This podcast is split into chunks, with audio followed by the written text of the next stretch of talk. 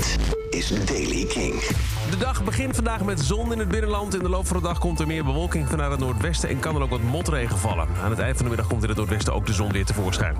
Het wordt zo'n 5 graden in het oosten. Noordwesten haalt nog de 8 graden. Nieuws over Fallout Boy en Pukkelpop. Dit is de Daily Kink van donderdag 9 februari. Michiel Veenstra. Een nieuw album komt eraan. So Much for Stardust. Eh, nou ja, eh, So Much for Tourdust. Zo gaat de tour heten die Fallout Boy onderneemt.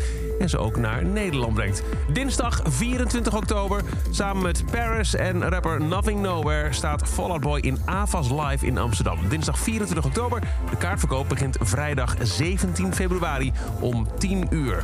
En ook nieuwe namen voor Pukkelpop. Toegevoegd aan de line-up zijn onder meer Youngblood, Years and Years, Dropkick Murphys, Joost en Reinier Zonneveld. Er stonden al grote namen geprogrammeerd op Pukkelpop, waaronder Billie Eilish, The Killers en Florence and the Machine. Hetzelfde weekend als het Lowlands Weekend in Nederland. En dat is over deze editie van The Daily Kink. Elke dag er een paar minuten bij met het laatste muzieknieuws en nieuwe releases.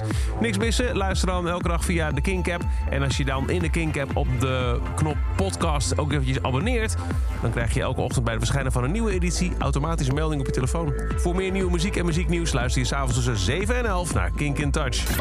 Elke dag het laatste muzieknieuws en de belangrijkste releases in de Daily Kink. Check hem op kink.nl of vraag om Daily Kink aan je smart speaker.